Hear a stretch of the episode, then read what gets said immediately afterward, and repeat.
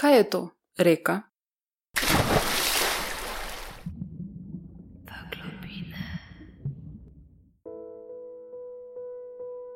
Je reka večna učiteljica, ki te uči nežnosti in grobosti hkrati.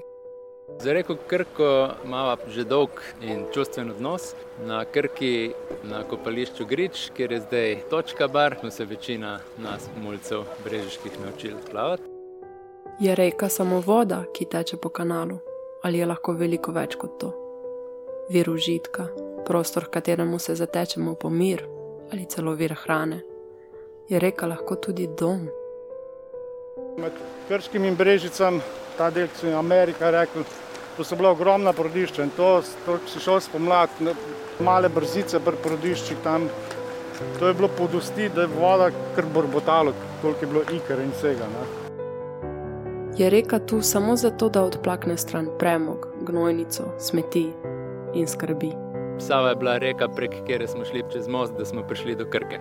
Še posebej po zimi imela značilni vonj po kavi, ki je bil dejansko verjetno vonj nekih kemikalij, ki so jih uporabljali v tovarni celuloze v Krškem. Če je reka naravni vir, kdo potem z njo upravlja in kako?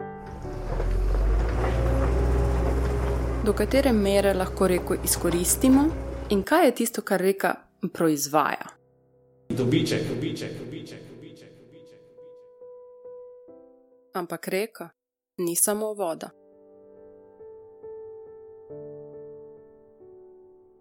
To je podcast, s katerim se želimo naučiti kompleksnega odnosa med človekom in reko. Kako si podajata roke ali pa zaklepata v nemoč. Je podcast, ki nam bo mladim, tistim, ki smo se podali na pot raziskovanja Save, Krke, Sotle in njihovih ljudi, mogoče dal zaušnico, nas prizemljiv. Mogoče slika, ki smo si jo ustvarili v svoji glavi, le ni tako zelena.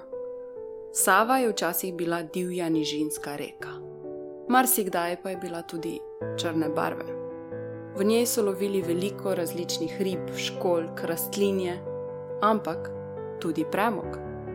Danes pa lovijo predvsem some in krape, ki imajo radi muljasta tla. Lovijo jih predvsem kot trofeje, ne hrano. Sava ni zdrava, je serija akumulacijskih jezer, nič več, divja reka.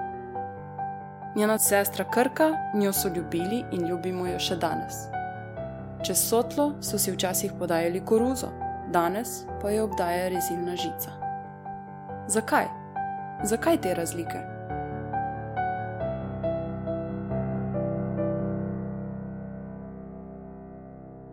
Podajamo se v raziskovanje. Ni nam mar, koliko zaušnic dobimo, hočemo razumeti, kako so posavčani živeli s svojimi rekami oziroma kako z njimi živimo danes. Hočemo se povezati z generacijami in idejami, s katerimi se drugače ne bi, in slišati neslišane.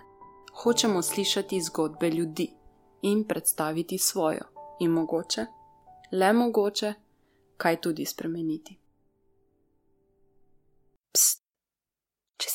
Oseba iz posavja in se želiš pridružiti podkastu, piši nam.